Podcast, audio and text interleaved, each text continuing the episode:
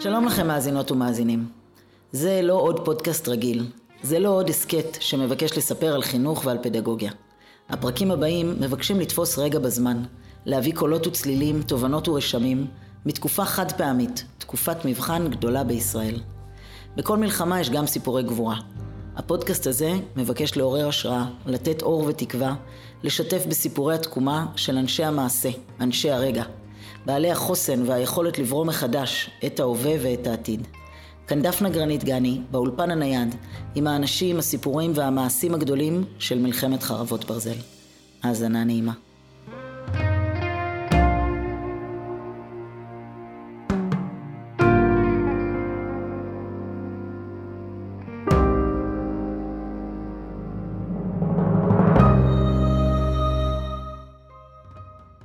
שלום רב לכם, מאזינות ומאזינים, אני שמחה מאוד ששבתם אלינו, והיום אני מאוד מאוד uh, שמחה ומתרגשת לארח באולפן uh, לא איש חינוך, אבל איש מרתק לא פחות, ירון ששון, דובר עיריית שדרות בשבע השנים האחרונות, מתגורר במושב קלחים. uh, שהוא גם עיתונאי ושדרן בעברו, ברדיו דרום, במעריב, בידיעות אחרונות. ברוך הבא, ירון היקר. שלום דפנה, ברוכה נמצאת. כיף שהגעת אלינו, ויש לנו היום פרק מאוד מעניין שמדבר גם על uh, מה קורה בשדרות ומה קרה בשדרות uh, מפרוץ המלחמה, וגם לדבר באופן כללי על זירה נוספת של uh, קרבות, לא רק קרבות בחזית עם חיילים ו- ו- וחיילות, אלא גם זירה נוספת שאנחנו קוראים לה קרב ההסברה. ששם יש את המוניטין והסטטוס והמעמד של ישראל ושל המלחמה שעומדים בפני מבחן מאוד גדול, אז גם על כל זה נדבר. אז נצא לדרך, אז אה, תספר לנו בבקשה, איפה היית בשביעי לאוקטובר? מה קרה לך ולתושבי שדרות בשביעי לאוקטובר? אז אה, כמו שמרבית התושבים היו, שש וחצי בבוקר, מרביתנו ישנים בשעה הזאת, מלבד משכימי הקום של הריצות או של בתי הכנסת. שמחת תורה, זה גם היה חג שמחת תורה. אז התעוררתי בעצם אה, מהאפליקציה של פיקוד העורף, שהעירה אותי בגלל אזעקות בשדרות, והופתעתי, עוד פעם זה הגיע out of nowhere, לא, בלי הכנה, לא חיסלנו מישהו, לא הבנתי מה קרה, אבל זה היה ברמה מטורפת, כן? זה מטחים כבדים, אזעקה אחרי אזעקה. כמובן שהדבר הראשון שאני עושה זה בעצם שליחת הודעה לכל התושבים, יש לנו גם אפשרות בהודעות אס.אם.אס, גם בקבוצות וואטסאפ עירוניות, אה, בעצם להיכנס למרחבים מוגנים. זו הייתה ההנחיה באותה, באותה שעה. במקביל, תמיד אני עושה זה במקביל, כי שוב, כמו שאמרת, אני גר במושב קלחים, אז יש פה גם עניין של זמן נסיעה, לשדרות, התארגנות, תמיד אני גם אורז תיק, כי אני יודע שזה הולך לקחת כמה ימים, אני לא אחזור הביתה, זה דברים כבר שהם קבועים. ו... מתורגלים. מתורגלים, כמובן אה, עם, אה, עם מסר אה, לאשתי אביה, מה צפוי להיות, מה התחיל, מה קורה. ותוך כדי שאני מתארגן, מתחילים להגיע דיווחים בוואטסאפ על אירוע כנראה מסוג אחר.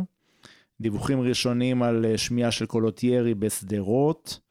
התמונה והסרטון המפורסמים של אותו טנדר טויוטה שאחד התושבים צילם. ו... ועד מהרה מתקשרים אליי מהחמ"ל בשדרות, ומבקשים ממני אה, להוציא הודעה לתושבים להסתגר בבתים בשל חדירת מחבלים. ואני לא מאמין למה שאני שומע, אני אפילו אומר למי שמבקש ממני, אתה בטוח? קיבלת משהו מהצבא? הצבא ביקש מאיתנו להוציא? אז הוא אמר לי, ירון, אין צבא.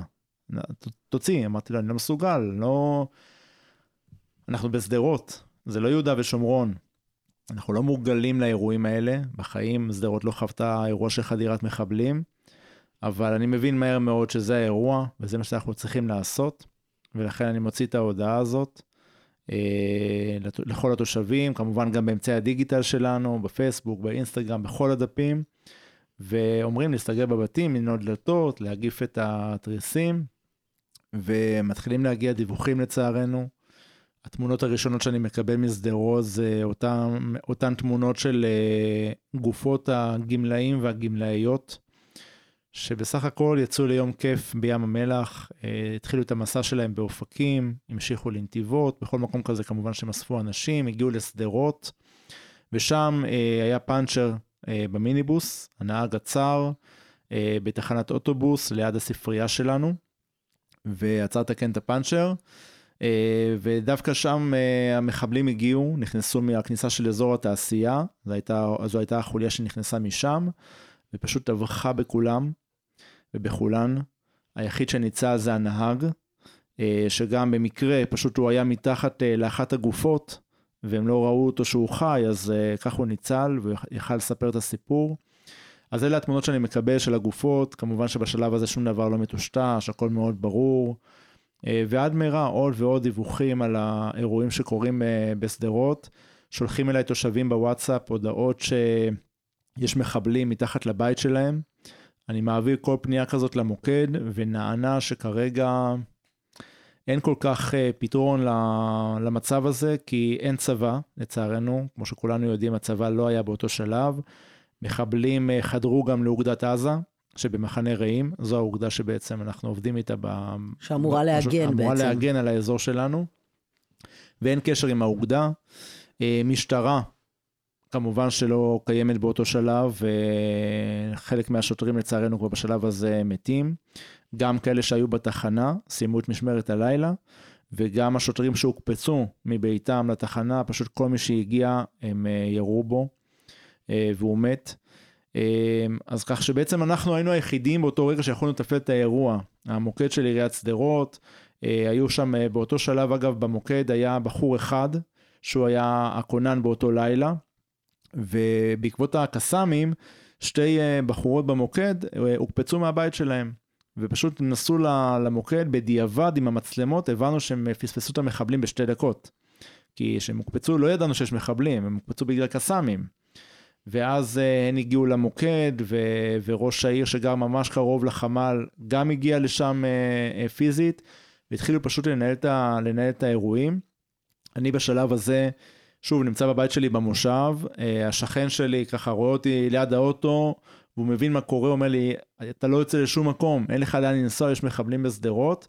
Uh, וגם ראש העיר בעצמו אומר לי, ירון, אתה לא יכול להגיע לעיר, אתה תצטרך לנהל את הכל בשלט רחוק. אה, ברמה האישית שלנו, אנחנו בבית ללא ממ"ד, מקבלים הנחיות מהמועצה אה, להיכנס לממ"ד, לנעול את הדלת וכל הדברים האלה. הדלת גם באותה תקופה לא ננעלת, בגלל תקלה במנגנון, כך שכל מה שמבקשים מאיתנו לעשות כדי להגן על עצמנו, אה, זוג הורים עם שלושה ילדים, אנחנו לא יכולים לעשות. השכנה המקסימה שלנו מזמינה אותנו לביתה, אנחנו מתארחים שם.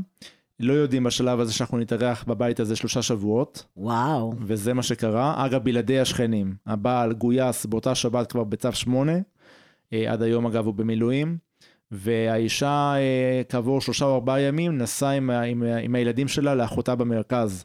כך שבעצם נשארנו בבית לא שלנו, לבית הזה הגיעו בהמשך המשפחה שלי, המשפחה של אשתי, זה סיפור בפני עצמו. אז ככה כל השבת אני בעצם מנהל את האירועים מאותו בית, נתנו לי שם נתנו לי שם חדר שאני יכול לשבת בו. אחת, אה, תוך כדי כמובן שליחת ההודעות לתושבים כל הזמן ועדכון וכמובן התקשורת, מתקשרים אליי כתבים תוך כדי שהם באולפנים, ככה בשקט בשקט כמו שאנחנו שומעים אותם לפעמים לוחשים, לא אז אלה הטלפונים אלינו, אה, להבין מה קורה בשדרות כי הם צריכים עכשיו לדווח, אני אומר להם מה שאני יודע ממה שאני ככה מצליח לקבל אה, מסרים משדרות כי אני לא נמצא שם. מקבל דיווחים על רכז הביטחון שלנו שנפצע באירוע במשטרה, אה, חוטף שני כדורים בכתף ונפצע קשה, עדיין בשלב הזה לא יודעים בדיוק מה מצבו, וכמובן מתחיל להילחץ שאנשים נפגעים.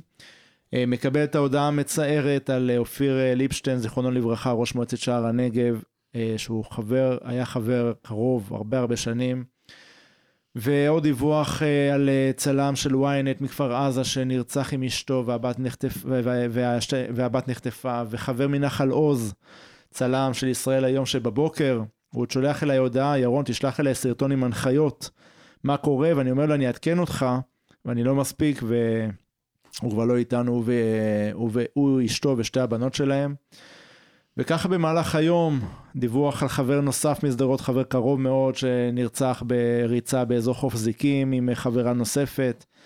אז אני, במהלך היום הזה, זה התפעול מול התושבים כל הזמן, כמובן עדכונים, עדכונים, עדכונים. אה, תושבים מתישהו הם מנותקים מחשמל, בהמשך גם ממים, בעקבות האירועים. עבודה מול התקשורת הישראלית שכמובן צמאה למידע, מה קורה וצריכה לדווח. כמובן שיחות כל הזמן עם, עם ראש העיר, וכל התפעול הזה ממקום שהוא לא הבית שלי, לא משדרות. זו הייתה, לא סתם אומרים שבת שחורה, למרות שקשה לי עם הצמד מילים האלה, ואני מסכים עם מי שאומר שאי אפשר להגיד את הצמד מילים הזה, כי השבת היא לא שחורה, השבת היא תמיד שבת של קודש, שבת היא לבנה, אבל אולי נגיד היום השחור הזה של השבעה באוקטובר, שבמקרה, או יותר נכון לא במקרה, כי הם התכוונו למה שהם עשו, קרה בשבת, קרה בשמחת תורה, בשמיני עצרת. מקריות, אה, הכל פה נראה לי כל כך מתוכנן, ממש ברמת השעות שמחליפים את המשמרות. הכל, לגמרי, לגמרי. הכל מתוכנן עד הפרטים האחרונים ביותר, ועם זה הקושי הגדול. אז, אז, אז זה מה שקרה ביום שבת, ואז איך זה המשיך? מה, מה קרה אחרי זה? קודם כל, אה, אנחנו רק במוצאי שבת עוד התנהל הקרב בתחנת המשטרה, התקבלה הפקודה בעצם אה, להשמיד אותה על מחבליה ועל התחמושת שבה ועל הכל, מכיוון שהמחבלים התבצרו שם. אז בשבת בלילה באמת אה, השמידו את התחנה באמצעות שופל וטנק, והיה שם אירוע שלא האמנו שאנחנו בעצם רואים אותו, צופים בו. אני באמצעות הנייד, אחרים היו שם פיזית. התחילו לאסוף את הגופות במוצאי שבת מרחבי העיר, כי זה פשוט היה ממש בכל מקום. בעצם המזל שלנו בשדרות, אם אפשר לקרוא לזה מזל, שהם התמקדו בעצם במשטרה, בסמל השלטון. ככל הנראה מה שהם התכוונו לעשות, זה לחסל את כל מי שנמצא שם, את השוטרים, שהם המגנים על העיר, ואז בעצם הכל פתוח, יכולים להגיע לאן שהם רוצים, לבתים, לבניינים, ובאמת השוטרים שם ניהלו אה, קרב הירואי על התחנה. יחד עם חברי כיתת הכוננות שלנו והרכז ביטחון, כמו שאמרתי, ש, שנפצע. אז אוספים את הגופות במוצאי שבת על מנת שמי שיקום בבוקר, בבוקר ראשון, אה, לא יצטרך לחזור, לחוות את המראות הקשים האלה. אה, תוך כדי שהמטחים נמשכים כל הזמן, אה, בראשון בשבע בבוקר אני כבר מתייצב בשדרות. למרות שאני לא יודע בשלב הזה, יש מחבלים, אין מחבלים, אבל אני מבין שזהו, אני לא יכול להמשיך לנהל את האירוע הזה מרחוק. אה, יוצאים לכל האירועים של הרקטות. אה, בניגוד גם למקרים קודמים שכיפת ברזל מיירטת 95 אה, אחוז, אפילו יותר מהרקטות. במקרה הזה, בגלל המטחים וגם בגלל שיורים למקומות אחרים בארץ, אז הרבה רקטות נופלות בשדרות, בתים נפגעים, בתים נהרסים. יש לנו נפגעים uh, מהטילים, לצערנו גם הרוגה אחת uh, כתוצאה מרקטה שפגעה ממש לידה. אנחנו בעצם חווים אירועים שלא חווינו אותם במבצעים קודמים, כמובן גם מבחינת חדירת מחבלים, שזה אירוע שלא חווינו אותו בשדרות, גם מבחינת כמויות הרקטות שיש ביום ושלא כולן מיורטות. 250 בתים נפגעו בשדרות במלחמה הזאת. זה מספר שאנחנו אולי מכירים אותו מהתקופה שלפני כיפת ברזל, אבל אה, בשנים האחרונות זה לא מספר שאנחנו מכירים. אז אנחנו יודעים שיש בשדרות 36 אלף איש כרגע, תכף נדבר על, על ההתפתחות הדמוגרפית המרשימה הזאתי, אבל תגיד לנו רגע, מבחינת נפגעים, על מה אנחנו מדברים בערך? אז בעצם מאז שהתחילו הקסאמים, אה, נהרגו בשדרות, אה, נרצחו בשדרות 16 אה, תושבים, אה, אזרחים, אה, חלק מהם תושבי העיר, חלק מהם אנשים שהגיעו מבחוץ, ורק באותה שבת... שזה משנת 2001, מהופעתם הראשונה. נכון. ורק באותה שבת בעצם נפלו ונרצחו בשדרות 30, 30 תושבים, שוטרים וחיילים. בנוסף אליהם נפלו ונרצחו 20 תושבים נוספים שהם לא מהעיר. אה, אה, אותם אה, גמלאים שסיפרתי עליהם, לוחמי ימ"מ שהגיעו לעיר. אז סך הכל בשדרות באותה שבת נפלו ונרצחו 50 איש. אין, אין, אין מילים, אין מילים אה, למספרים האלה ולנתונים האלה. תגיד, ואז, ואז מה קורה? אני מבינה שאתם אה, הולכים ומכריזים על אה, פינוי, אה, פינוי העיר. איך מפנים 36 אלף איש? אז העיר שדרות מורגלת בפינוי של אה, אוכלוסיות מיוחדות. כמעט בכל מבצע, אה, בעיקר מבצעים שנמשכו אה, מספר ימים לא מבוטל, אנחנו יודעים לפנות את האוכלוסיות המיוחדות, שזה בסביבות ה-6,000 תושבים, משפחות רווחה, מטופלות חוסן, אנשים, משפחות עם ילדים עם צרכים מיוחדים, נפגעי פעולות איבה, וקשישים כמובן, וזה מה שעשינו מיד. יום ראשון בבוקר כבר התחלנו לפעול לפינוי של אותן אוכלוסיות. יום שלישי, אם אני לא טועה, התחילו לצאת האוטובוסים משדרות לכיוון ים המלח בעיקר, קצת לאילת. אגב, חלק מהאנשים התפנו כבר עצמאית, כבר ביום ראשון, פשוט לקחו את עצמם, למרות שהיו מחבלים, למרות שהיו רקטות, ויצאו מהעיר למקומות בטוחים יותר. ומה שקרה הוא, עם אותו אירוע ביום חמישי שסיפרתי לך על, ה, על ההרוגה שהייתה כתוצאה מפגיעת רקטה, זה אירוע שטלטל אותנו, טלטל את ראש העיר, והוא ממש במקום האירוע קרא בתקשורת, גם הישראלית וגם הבינלאומית, קרא לממשלה לפנות את תושבי שדרות. וזה קרה בגלל הטראומה הקשה מאוד שעברנו, חווינו באותה שבת, וגם בגלל העובדה שהוא הבין שאנחנו נמצאים במלחמה, שהולכת להימשך הרבה זמן. הוא רואה שהכיפה לא מצליחה ליירט את, את כל הרקטות, ולכן יש סכנה לשהייה של תושבים וילדים בעיר. אנחנו שמחים שהזעקה שלו לא נפלה על אוזניים ערלות, וזה אכן קרה, התקבלה החלטת ממשלה, והחל מיום ראשון, ה-15 באוקטובר, התחלנו לפנות את התושבים. זו, זה בעצם המבצע הפינוי הגדול ביותר שבוצע אי פעם בישראל. פינוי של 31 אלף תושבים ללמעלה מ-110 בתי מלון מטבריה ועד אילת. חוץ מאותם אלה, כמה אלפים שהתפנו באופן עצמאי למשפחה, לחברים, לדירות שכורות, והניהול של כל האופרציה הזאת הוא מטורף. זה בעצם הבנה שאתה צריך להקים עיריות קטנות באותם מקומות. חילקנו את המדינה למחוזות, מחוז אילת, מחוז ים המלח, מחוז תל אביב, מחוז ירושלים ומחוז נתניה והשרון. ובאותם מחוזות היינו, הבנו שאנחנו צריכים להפעיל שירותים של חינוך ורווחה ומתנ"ס וקליטה, שהתושב שנמצא שם יבין שנכון שעיריית שדרות שלחה אותו, ולא לנופש, סוג של כפייה, כן? אתה לא יכול עכשיו להיות בעיר, אבל אנחנו איתו בכל מה שהוא צריך. מרמת של מכונת כביסה, לרמה של אה, שינוע לטיפול בבית חולים, לרמה של מעון וגן, לרמה של פעילות בערב של מתנ"ס, ממש כל דבר שהוא נדרש, נזקק לו באותם המקומות, הוא יקבל את זה מעיריית שדרות. מינינו בכל אה, מלון רכז או רכזת, שאגב לא כולם הם עובדי הרשות, תושבים שהיו שם התנדבו למשימה. אה, בהמשך זה כבר לא הייתה התנדבות, כמובן שאנחנו תגמלנו אותם על העבודה הזו שהם לקחו על עצמם, ובעצם עד עצם היום הזה זה מה שאנחנו עושים. נכון שלא מעט, אה, לא, לא, לא, לא, לא, לא יודע אם נכון לומר לא מעט, כי הרוב עדיין מחוץ לעיר, אבל בשבועות האחרונים אה, חזרו כמה מאות אה, תושבים, אבל עדיין מרבית התושבים נמצאים, נמצאים מחוץ לעיר, וצריך להמשיך לדאוג להם ולטפל בהם. וואו, יש לי כל כך הרבה שאלות, וזה פשוט סיפור כל כך, באמת, אין לי, אין לי מילים נרדפות, מופרך, משוגע. לא יאמן הסיפור שאתה מספר לנו כאן. תגיד רגע, אז לצד הדבר הענק הזה, אני רוצה רגע שנתעכב על המספר הזה, 36 אלף, כי בעצם שדרות אה, גדלה מאוד מאוד בשנים האחרונות. לצד הקסאמים, מתוך כדי ההתקפות והאיומים והאזעקות והצבע האדום וכל הדבר הזה, יש גדילה דמוגרפית ממש אה, מפתיעה. אתה יכול להסביר לנו איך זה קורה? איך, איך העיר הזאת כל הזמן גדלה, כל הזמן עוד שכונות ועוד שכונות? אז כל זה בעצם התחיל בסיומו של מבצע צוק איתן, שאז חשבנו, בעצם עד חרבות ברזל, תמיד אה, הגדרנו את צוק איתן כמבצע המוצלח ביותר. למה מוצלח ביותר? כי בסוף איך אנחנו תושבי העוטף רואים את הדברים? לפי כמות השקט, לפי כמות ימי השקט או שנות השקט ש, שישנן.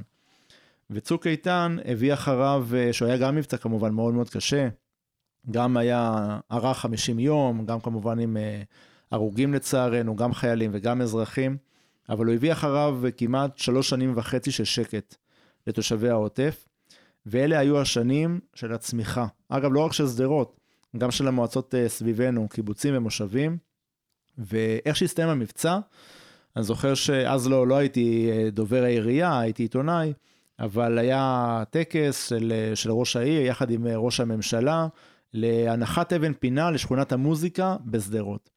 בעצם השכונה הראשונה שנבנית בשדרות לאחר עשרות שנים שלא נבנתה אה, בשדרות שכונה. אגב, השכונה שקדמה לה, זו הייתה שכונה שאריק שרון, בזמנו שהיה, זיכרונו לברכה, שהיה שר הבינוי והשיכון, הקים עבור העולים שהגיעו מברית המועצות ומאתיופיה.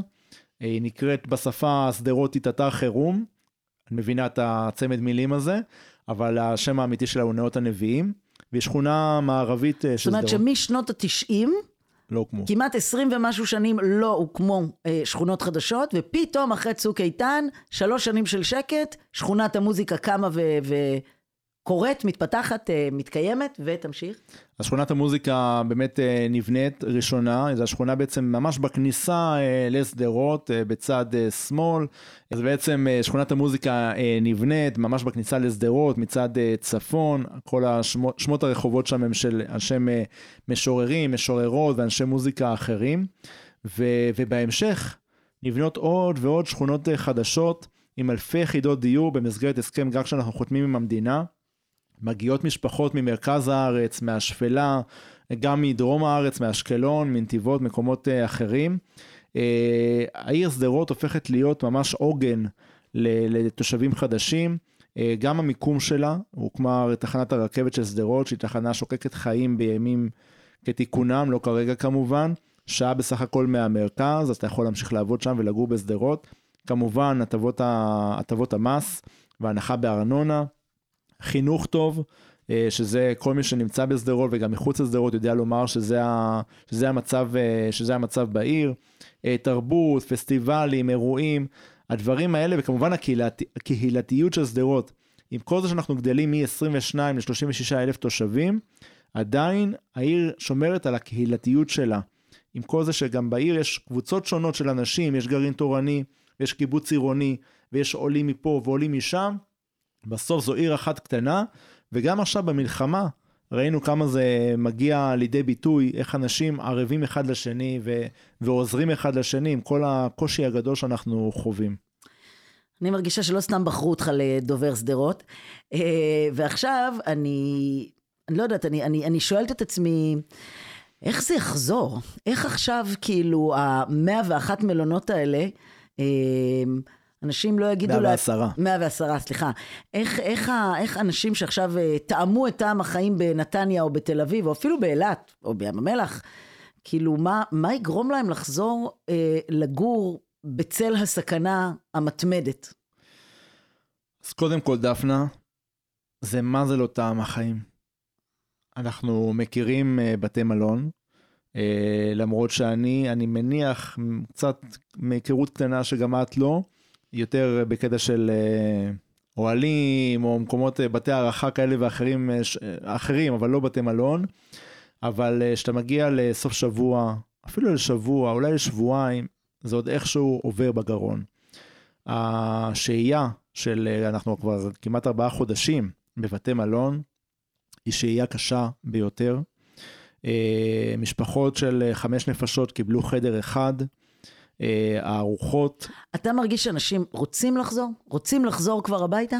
האנשים, התושבי שדרות, משתוקקים לחזור לבית שלהם, למיטה שלהם, לעיר שלהם, לגן שעשועים שהם מכירים, ואפילו לגן או לבית הספר שהילדים שלהם מכירים.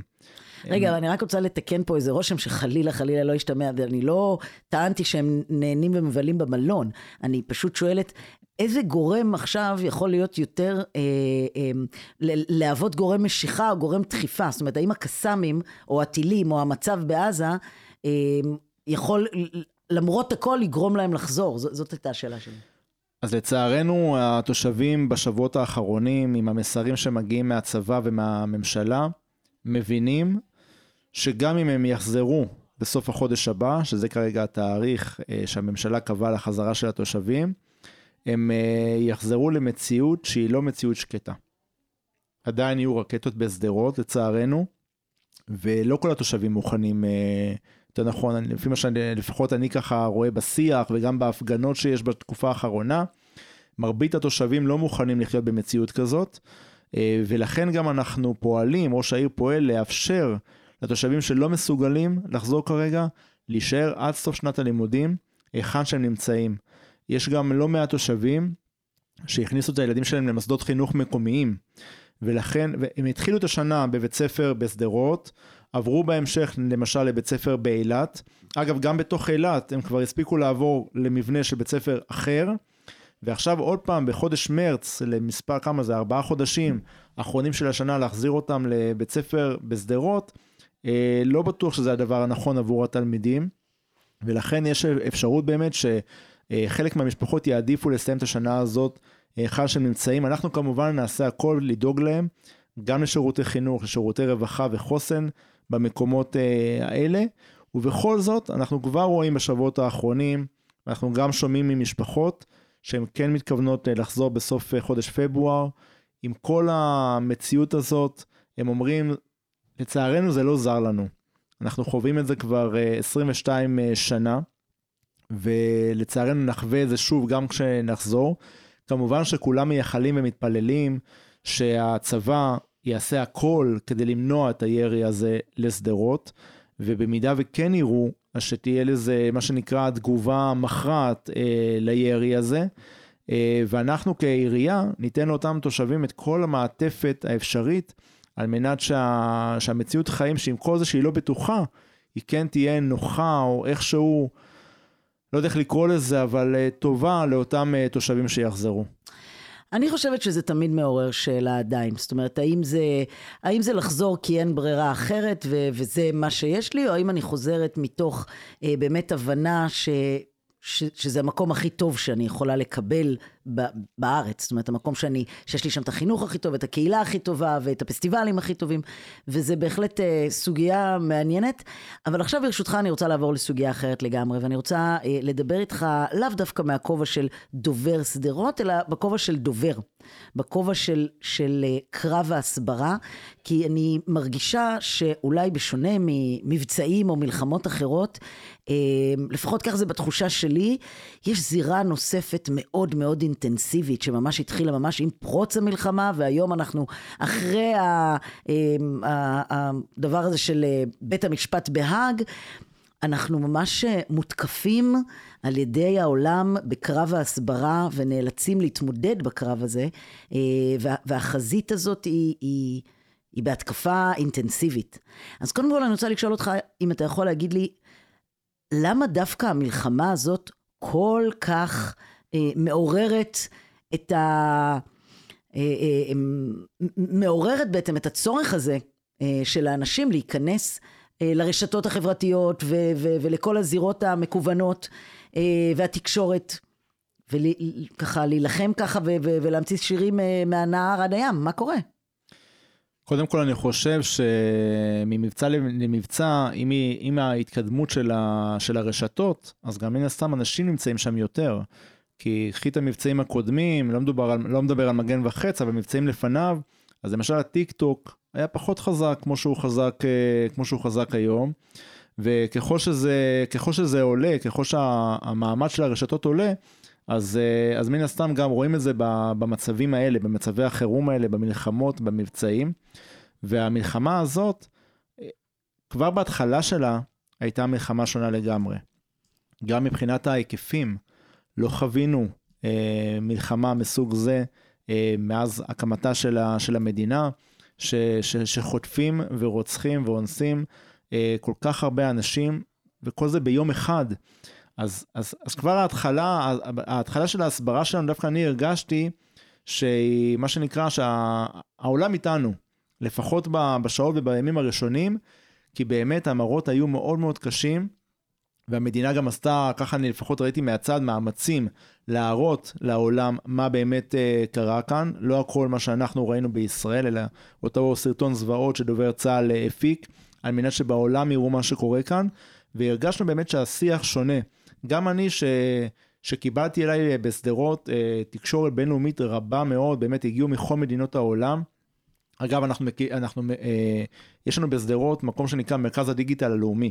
זה פרויקט יחסית חדש שהקמנו יחד עם משרד התפוצות, ושם אנחנו בעצם מכשירים תושבים להילחם בפייק ניוז באמצעות הרשתות. ובמלחמה הזאת, זה כמובן עלה ביתר שאת.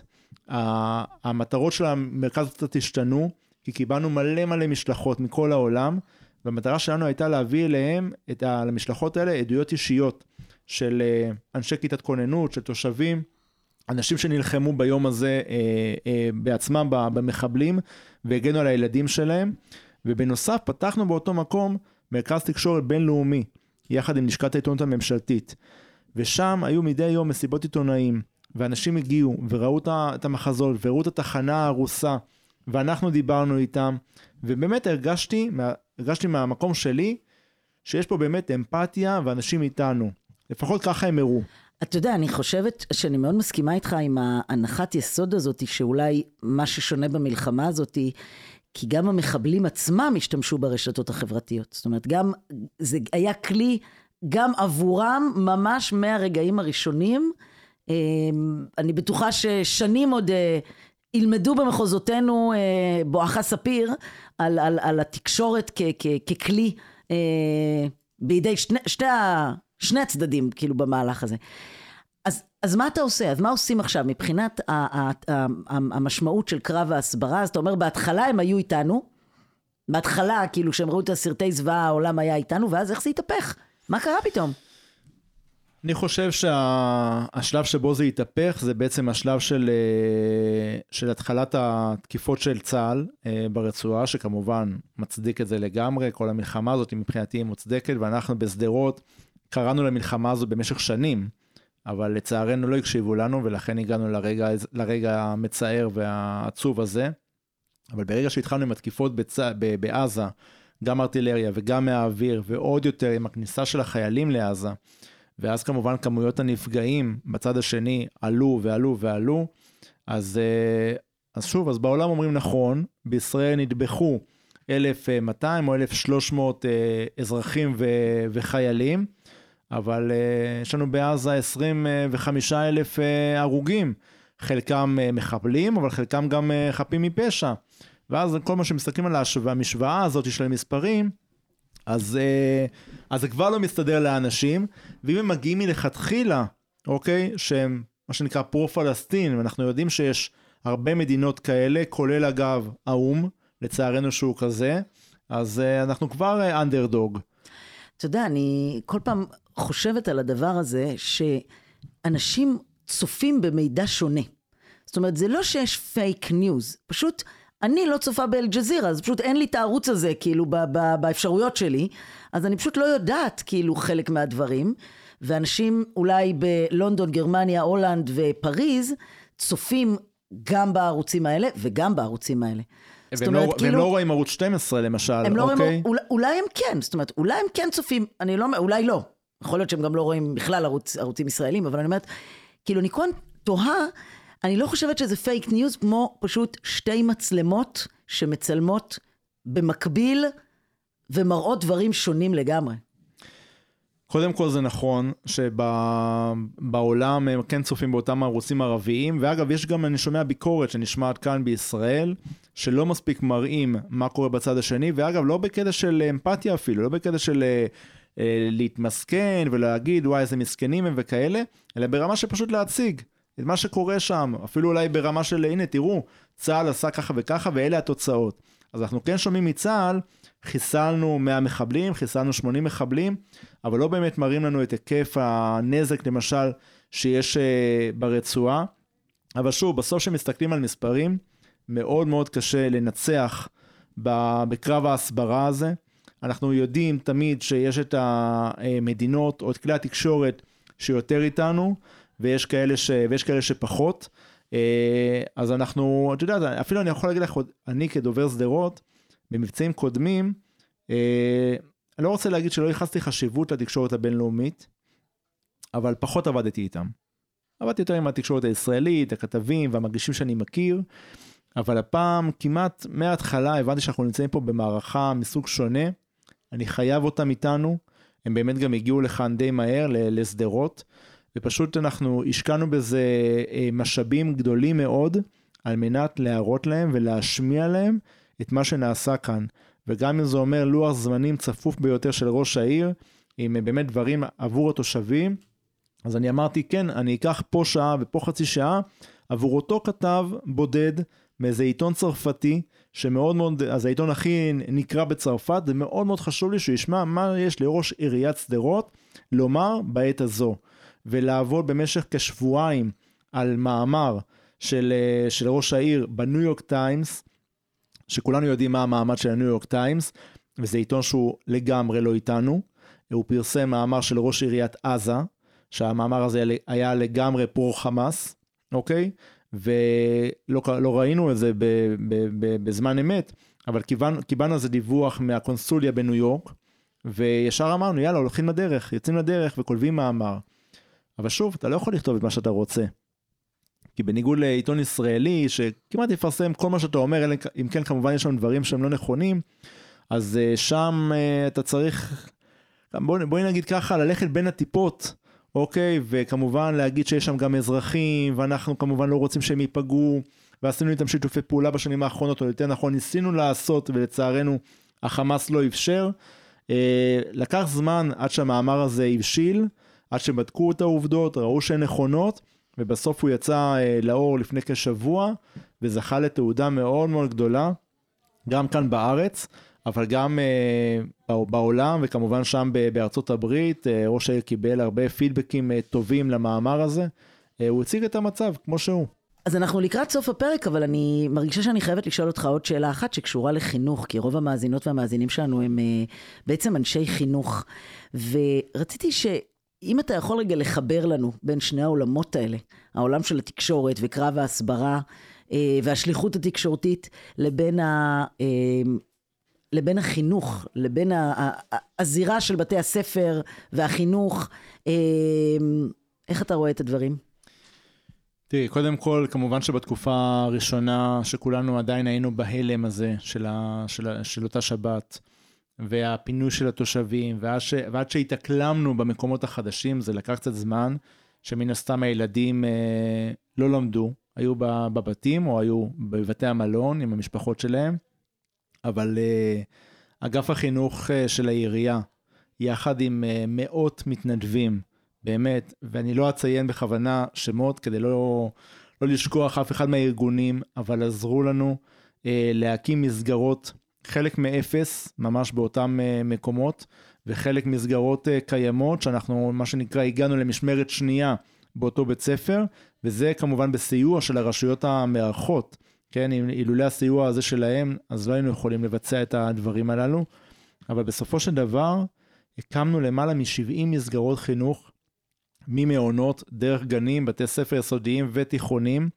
כמובן שבסופו של דבר לא הצלחנו להגיע ל-100% מהילדים, אה, בעיקר אצל בני הנוער, שם היה קושי גדול להביא אותם אה, למסגרות הללו, למרות שעשינו הרבה הרבה מאמצים בכל מיני כיוונים. אה, אבל בסופו של דבר, מרבית הילדים שלנו, הילדים הקטנים, כן הגיעו למסגרות, גם אם זה לכמה שעות, וזה כמובן היטיב איתם, נתן להם קצת אפשרות לשכוח מהצרות שהם אה, נמצאים בהן באותם אה, ימים ובאותן שעות, לעשות דברים אחרים, ליצור, לחשוב, להפעיל את הראש, וגם להורים, בין אם זה לעבוד או בין אם אפילו עם כמה שעות של שקט ומנוחה, ולהתכונן לקראת השעות הבאות של, של היום. אז נעשו פה באמת מאמצים על ידי אנשי חינוך, גננות, סייעות, מורים, מנהלים, כולם נרתמו למהלך הזה. שוב, הרבה מהם זה אנשים שהם לא תושבי שדרות, הם הגיעו ממקומות אחרים, בלי המשפחות שלהם, פשוט ראו בזה שליחות אמיתית, אה, שזה התפקיד שלהם במלחמה הזאת. זה התפקיד שלהם במלחמה הזאת, אה, לחנך את ילדי שדרות, לעזור להם לעבור את התקופה הכל כך כל כך קשה הזאת. טוב, אה, נותר לנו לאחל, אתה יודע, שידיהם יתרוקנו מעשייה, שבעצם יבוא היום והם יוכלו לשוב, לשוב אל העיר להתכנס מחדש תחת בתי הספר אה, והגנים והמעונות. אמן. טוב, ירון, אה, אני ממש אה, שמחה שהגעת לכאן היום ושיתפת אותנו בשליחות התקשורתית שלך, כי, כי, כי זה באמת, זו שליחות מאוד מאוד גדולה, כאילו להבין את הקשר בין כל המרכיבים, גם המרכיבים של ההתיישבות וגם המרכיבים של החינוך, וכמובן המרכיבים של התודעה, תודעה הציבורית, שהיא היום כל כך דרמטית בזכות התקשורת. אנחנו לקראת סיום הפרק והייתי רוצה לשאול אותך אם היית רוצה להקדיש את הפרק אה, למישהו, למי שהם, ל... אז לפני ההקדשה, אה, חשוב לי לומר באמת שדיברנו מקודם על הביזור הזה של העירייה בכל המקומות, אז באמת עובדי העירייה, בין, מה, מהמנהלים דרך העובדים וכולם, עשו כאן אה, עבודה באמת שהיא יוצאת דופן. זה אנשים, חלק מהאנשים הם לא תושבי שדרות כמוני, זאת אומרת שהם לא פונו מביתם, והם עדיין אה, נשלחו לעבוד מבית מלון, בין אם זה בתל אביב, בין אם זה בים המלח, לשהות שם במהלך כל השבוע, ללא משפחה, למשפחה שלהם בבית, ופשוט לנהל את כל האירועים האלה. אז אפשר פשוט אה, רק אה, להצדיע לאותם, לאותם תושבים, סליחה, לאותם עובדים של, ה, של העירייה, ולא סתם כנראה אמרתי תושבים, כי ההקדשה מבחינתי של הפרק הזה היא תושבי שדרות ותושבות שדרות, הגיבורים והגיבורות, שעם כל מה שהם עוברים בשנים האחרונות, אה, עברו גם את המלחמה הקשה הזאת ועדיין עוברים כי היא לא נגמרה, וצפויים לנו עוד חודשים רבים, והם באמת, עם כל הקושי הגדול שדיברתי עליו במלונות, הם, אה, הם עוברים את זה, יש להם חוסן שצריך ללמוד עליו באמת, על החוסן הזה של תושבי שדרות, אה, בכל העולם אפשר ללמוד על החוסן הזה. אז הפרק הזה מוקדש אה, לתושבי שדרות, ועוד הקדשה קטנה למשפחה האישית שלי, שבאמת אה, שרדה אותי בתקופה הזאת, עם כל המצב הקשה, שילדים שנמצאים בבית, גם הם ללא מסגרת במשך תקופה, ואבא ש, שלא נמצא כי יש לו עבודה חשובה ו, ושליחות לעשות בשדרות, ואימא שעובדת מהבית, כי גם היא לא יכלה לנסוע למקום העבודה שלה. אז באמת כאילו, גאה שזאת המשפחה שלי. תודה רבה רבה לך, ירון ששון, דובר עיריית שדרות, על אה, פרק אה, שונה, פרק אחר, לא רק על חינוך, אבל בהחלט אה, ההשפעות על החינוך הן לדעתי ברורות וישירות. תודה רבה גם לכם, מאזינות ומאזינים. תודה רבה לחגי גלילי, העורך שלנו. להשתמע בפרקים הבאים.